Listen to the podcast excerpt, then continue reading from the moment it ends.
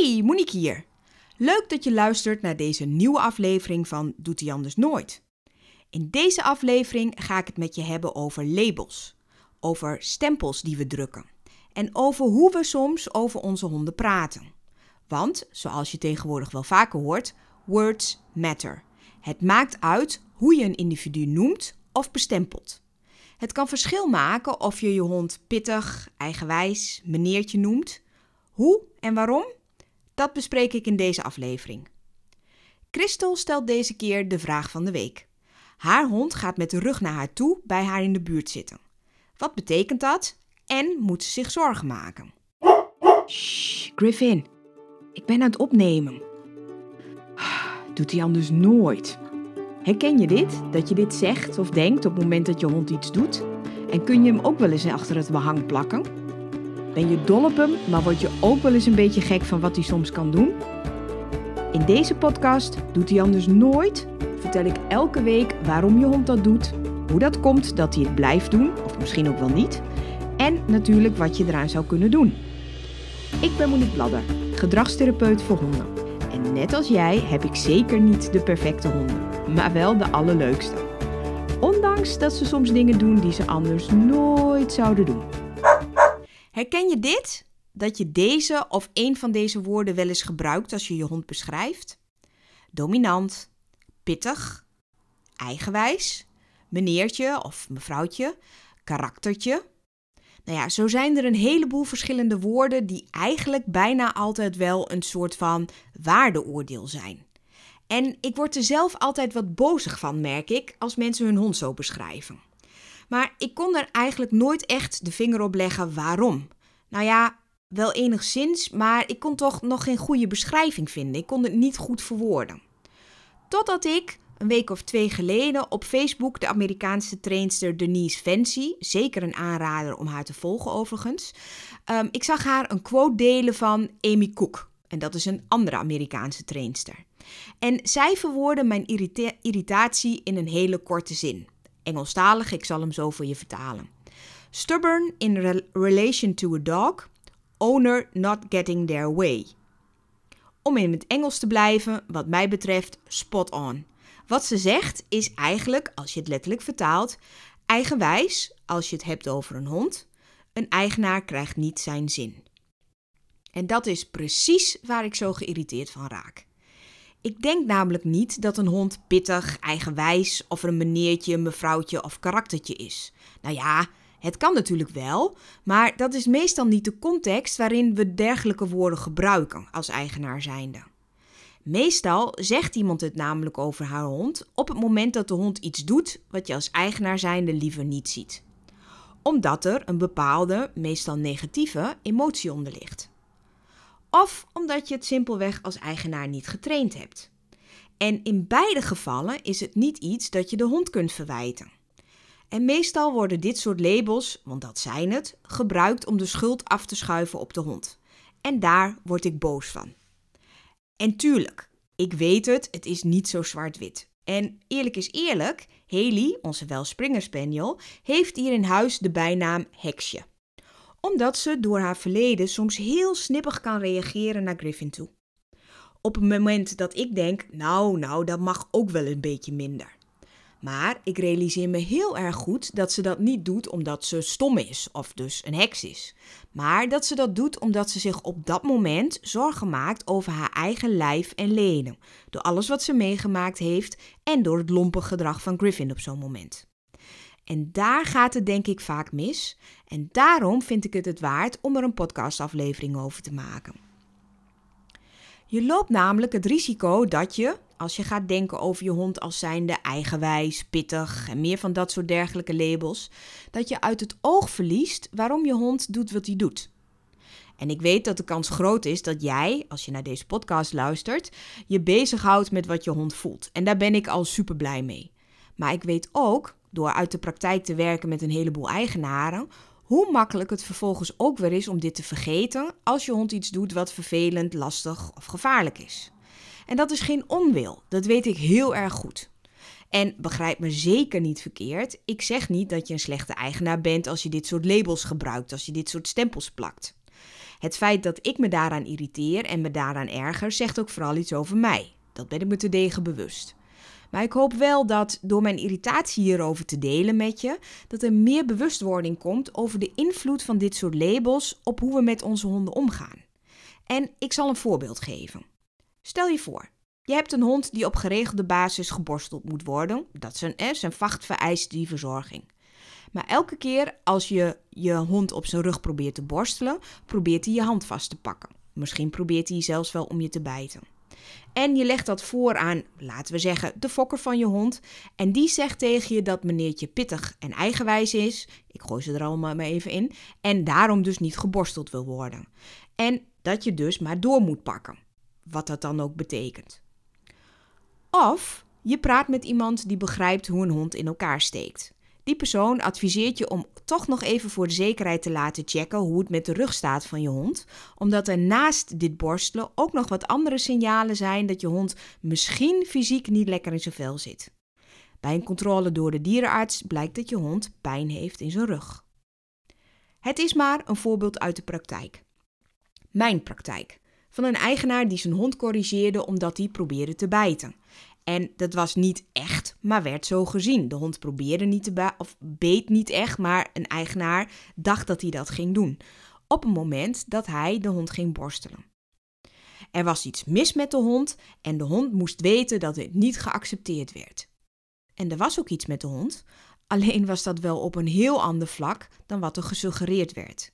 En geloof me, dit soort misverstanden als gevolg van labeltjes zijn er heel veel. En heel vaak heeft het alles te maken met dat iemand het gedrag van zijn hond niet begrijpt. En dat kan natuurlijk. Niet iedereen is een hondengedragsdeskundige en niet iedereen heeft alle details en alle kennis en alle informatie om gedrag te kunnen verklaren. Maar om het dan maar te zoeken in labeltjes waarbij de schuld bijna afgeschoven wordt op de hond, ja, dat kan dus best leiden tot allerlei kwalijke dingen. En dat is dus mijn grote probleem met labels en stempels drukken. Iedereen is maar mens en zeker als je betrokken bent bij je hond, is de kans groot dat je je hond wel eens vermenselijkt. Dat doe ik bijvoorbeeld door Haley Heksje te noemen. Dat is niet erg als je je daarvan bewust bent. Maar voor heel veel mensen is dat label een soort van diagnose. Mijn hond doet iets omdat hij puntje, puntje, puntje is. Of hij doet iets juist niet omdat hij puntje, puntje, puntje is. En vul dan maar één van deze labeltjes in. En daarmee loop je dus het hele grote risico voorbij te gaan en wat er nu echt het probleem is. En dat is schadelijk voor je hond en daarmee ook uiteindelijk schadelijk voor jezelf. Datgene waar we last van hebben, of wat meestal de aanleiding is voor zo'n label, is meestal iets wat je hond doet. Zijn gedrag dus. Gedrag ontstaat op allerlei verschillende manieren, waarbij allerlei factoren een rol spelen. Ik heb daar ook al wel eens eerder wat over verteld in mijn podcast. Maar gedrag ontstaat niet vanuit een vacuüm. Veel dingen die je hond in het verleden meegemaakt heeft, vormen zijn gedrag van nu.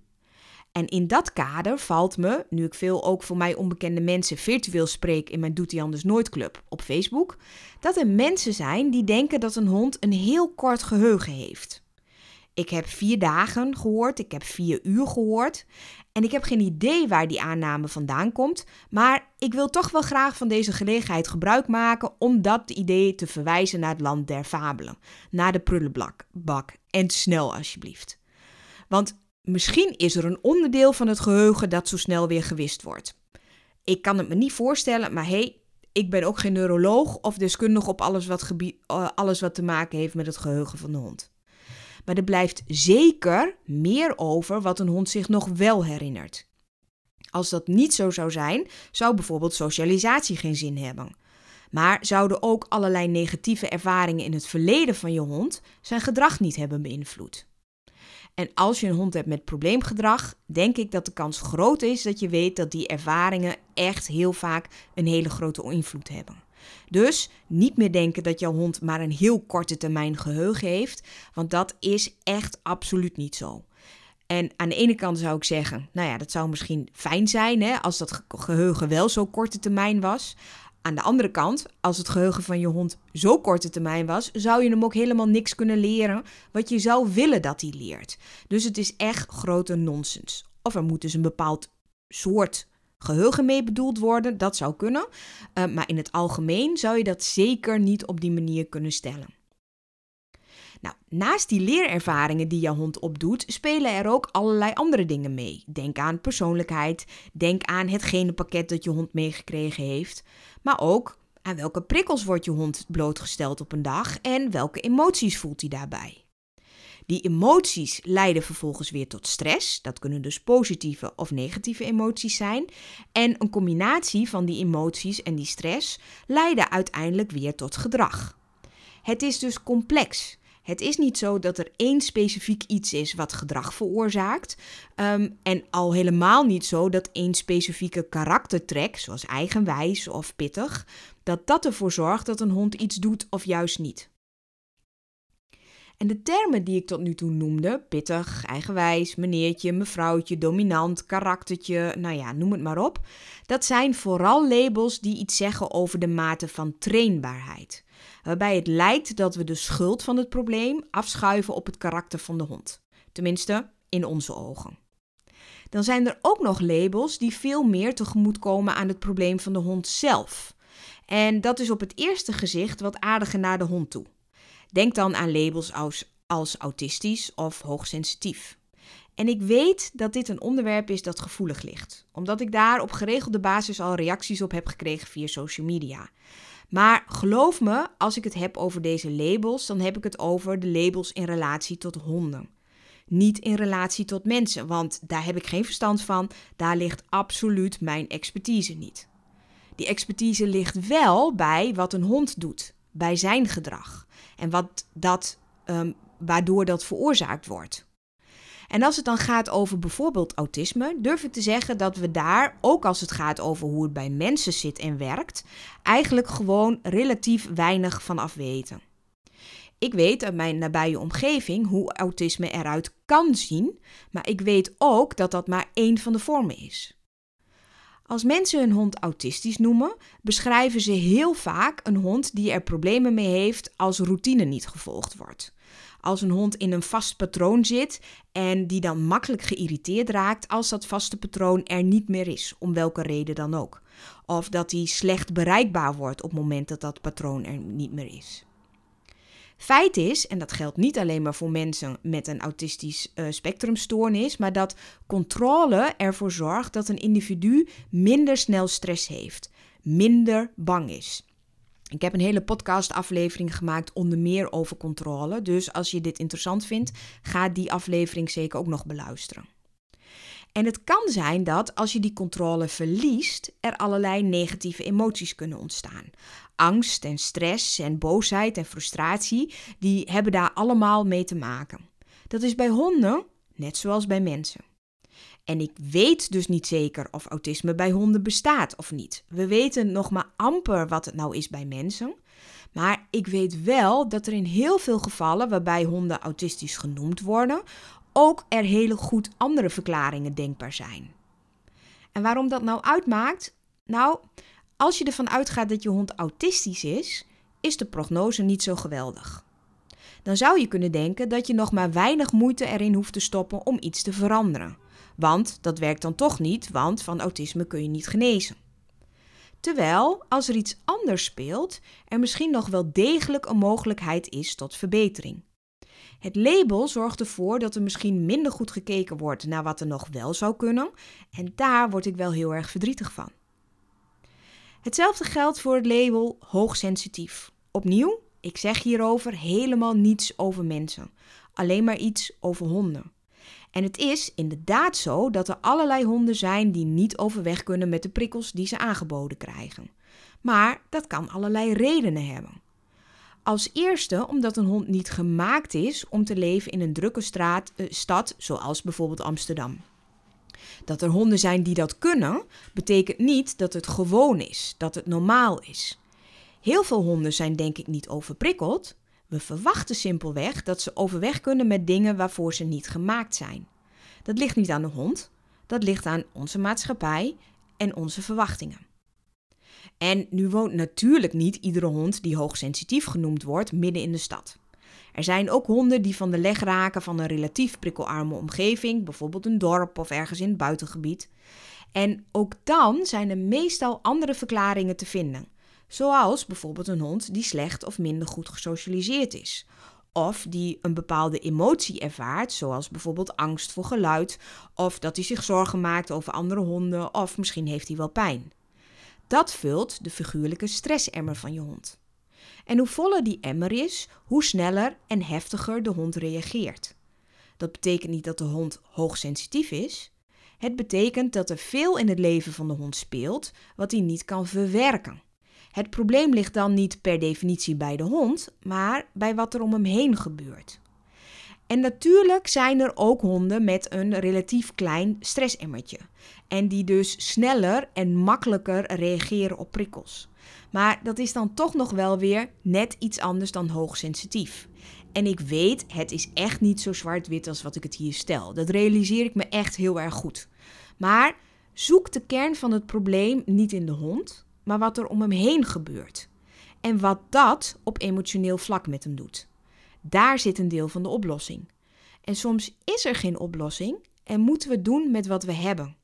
Het levende, blaffende materiaal dat voor ons zit en waar we gek op zijn. Met alle perfecte imperfectie. En alle irritaties, frustraties, maar vooral ook liefde en plezier van ons toe naar hem toe dat dat met zich meebrengt. Tenminste, zo zie ik dat.